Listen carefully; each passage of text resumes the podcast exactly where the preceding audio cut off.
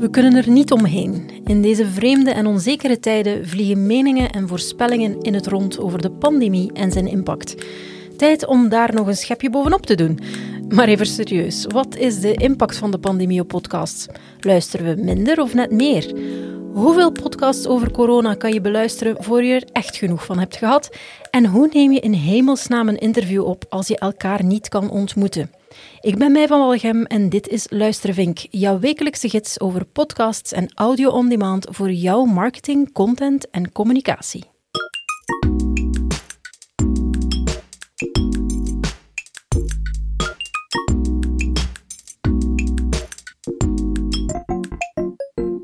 Bij mij zit opnieuw mijn collega Lennart Schoors. Hallo. Ja, corona, de pandemie, COVID-19. Lennart, je herinnert je vast ook nog die bewuste dag begin maart. Zeker, eh, dat kan je wel stellen. Ehm, ik weet nog, zo klonk het ongeveer op het journaal toen. De federale overheid komt nu toch met verregaande maatregelen tegen de verspreiding van het coronavirus. Ja, en toen ging het land in lockdown. De Veiligheidsraad besliste dat ze niet-essentiële verplaatsingen wouden verbieden. En ze raden ook af om naar kantoor te gaan. Zo zei minister van Werk Hilde Krivits het. Bedrijven die in de mogelijkheid zijn dat ze uh, de mensen laten telewerken. Dat ze zoveel mogelijk de zaken proberen te organiseren dat er thuis gewerkt kan worden de komende weken. Ja, komende weken, maar die weken die werden maanden. Hè, maanden waarin we meer tijd thuis doorbrachten. En ondertussen gaan er wel heel wat mensen weer naar hun, vaste werkplek, maar het thuiswerken is nu toch echt wel ingeburgerd, kan je stellen. We weten dat de meeste mensen podcast luisteren wanneer ze onderweg zijn. En woon-werkverkeer maakt een groot deel uit van die verplaatsingen. Dus dat kan niet anders dan een impact hebben op de luistercijfers, toch? Ja, zeker, want ons gedrag werd wel degelijk zwaar door elkaar geschud. Hè? Um, initieel zagen we dan ook een lichte daling in de luistercijfers voor die podcast. Want mensen hadden nieuwe routine en moesten ook op zoek gaan naar nieuwe luistermomenten. Uh, ze konden niet langer pendelen of veel minder, dus gingen ze daar naartoe op zoek. En dat is ook wel gelukt, want ondertussen gaan die luistercijfers opnieuw in stijgende lijn. Eigenlijk de trend van ervoor zet zich verder. Sommige onderzoeken spreken zelfs um, dat we een half uur extra per week hebben geluisterd naar podcast tijdens de quarantaine. Natuurlijk is dat afhankelijk van het onderwerp, de locatie of de markt.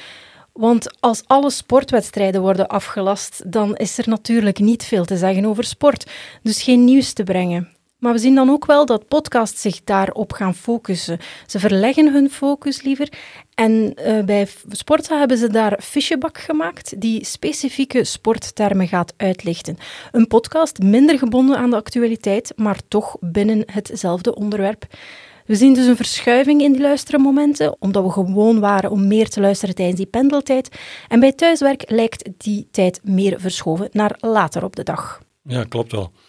Ook het laatste woord over de economische impact van die pandemie is nog lang niet gezegd. En natuurlijk laat zich dat ook voelen bij de media. Uh, sommige advertentiebudgetten die zijn heel snel gedaald. Uh, ja, lijkt mij ook logisch. De, de, toeristische sector die lag aanvankelijk uiteraard helemaal stil. Uh, maar daarnaast bijvoorbeeld online shopping zat enorm in de lift. Dus ja, daar heb je wel een, een, een verschuiving in die advertentiebudgetten. Hè. En je hebt ook uh, de Interactive Advertising Bureau, de IAB, een beetje een instituut als het gaat over die uh, advertentiebudgetten. Die hebben een rapport opgemaakt en die zagen eigenlijk een heel positieve toekomst voor podcast. Uh, ze voorspelden dat vooral die traditionele media klappen krijgen bij de verdeling van die advertentiebudgetten na COVID-19. Maar daartegenover blijkt uit hun bevragingen dat ruim de helft van de adverteerders van plan is net meer te investeren in podcastadvertenties. En ook de, de cijfers ehm, van die advertentiebudgetten die wijzen ondertussen wel ook op een redelijk snel herstel. In uh, de Verenigde Staten bijvoorbeeld was de markt in juni al eigenlijk zo goed als op het niveau van in maart.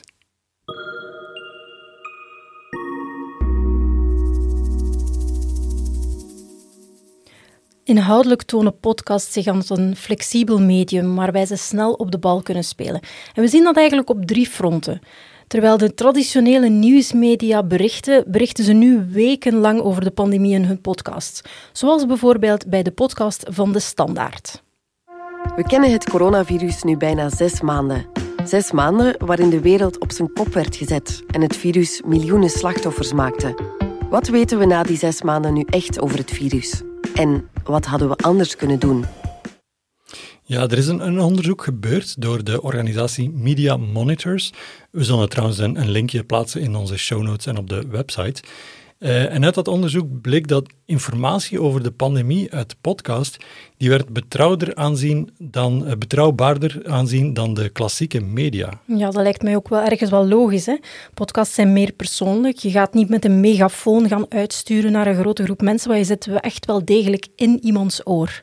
Ja, klopt wel geeft toch aan dat de podcast ook uitgroeien tot een, een volwaardig nieuwskanaal. Hè? Ja, al, al, wordt iedereen die overdaad aan nieuws rond corona ooit wel beu. Ja, dat klopt. Maar wat er ook vooral interessant is, is dat er daarnaast ook creatief werd op omgesprongen met bestaande formats. Corona-gerelateerde podcasts schoten als paddenstoelen uit de grond. Since schools are closed right now and we're all stuck at home, we at Pineapple thought it would be great to create a new podcast for kids with nothing to do, by kids with nothing to do. The show's called The Kids Are All Home. Naast die nieuwe podcasts zijn er ook podcasts die zichzelf een klein beetje heruitvinden. Zo heb je de hitpodcast Where Should We Begin van relatietherapeute Esther Perel. Zij publiceerde een aantal specifieke afleveringen van die reeks onder de naam Couples Under Lockdown. It's been weeks that Italy is in a lockdown. So I decided to meet couples where they are. And this is my first online Where Should We Begin session. Ja, wat mij in, in dit specifieke geval wel opvalt, is een beetje ja, die gebrekkige audio-kwaliteit. inderdaad. Het is een beetje improviseren geweest. Ondertussen hebben we allemaal wel kennis gemaakt met, met Zoom en, en andere teleconferencing en bellen enzovoort. Die kennen we ondertussen als onze broekzak.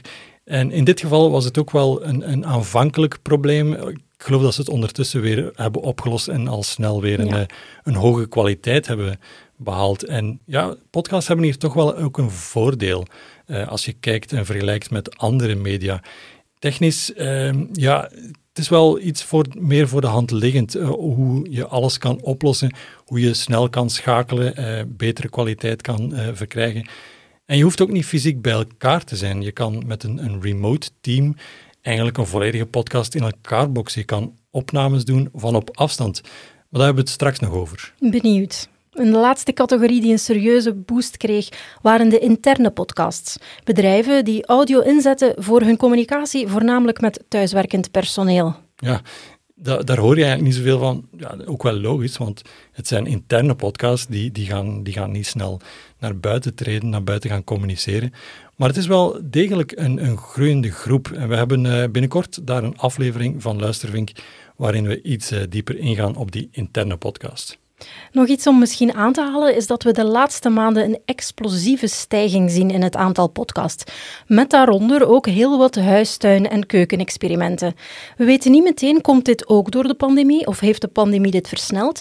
Maar wat wel zeker is, is dat er ruimte is voor kwaliteitsvolle en goed geproduceerde podcasts.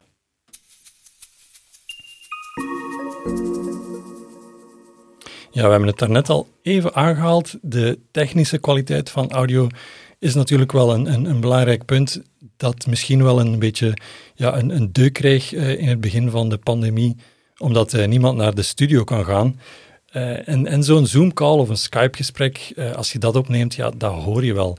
Je hebt lage bitrates, zware compressie, compressie, je hoort artifacts erin. Ja, je gebruikt wel heel veel dure woorden. Hè? En wat je eigenlijk gewoon wil zeggen is, het klinkt niet goed. Ja, eigenlijk wel. Ja, maar er is ook een oplossing voor. En uh, daar hebben we ook een duur woord voor, namelijk double ender. Lennart? Ja, een, een double ender betekent eigenlijk gewoon, je neemt aan twee kanten op. Hè. Je, je praat live met elkaar. Uh, dat kan online, dat kan via een telefoonlijn zijn. En je neemt daarnaast elk lokaal je stem op. En achteraf plak je die samen in je montage. En dan klinkt het eigenlijk alsof je in dezelfde ruimte bent.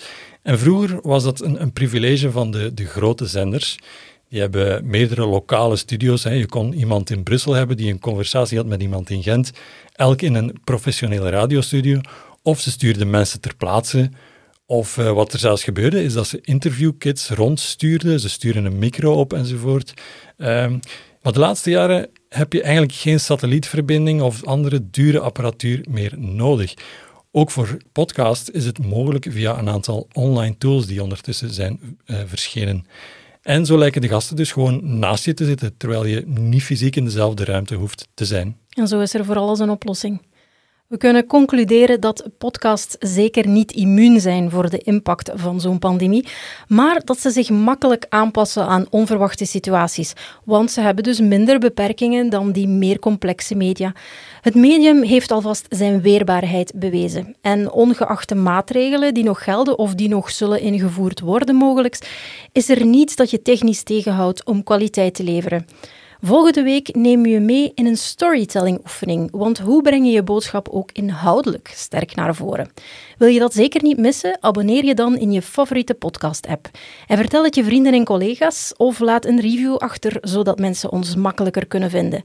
Heb je ondertussen vragen of feedback? We horen het graag. Laat het ons weten via luistervink.link. Tot volgende week. Luistervink is een productie van Playbird. Wij brengen je dichter bij je publiek, maar dan wel van op een veilige afstand. Playbird.co, wij laten jouw verhaal weer klinken.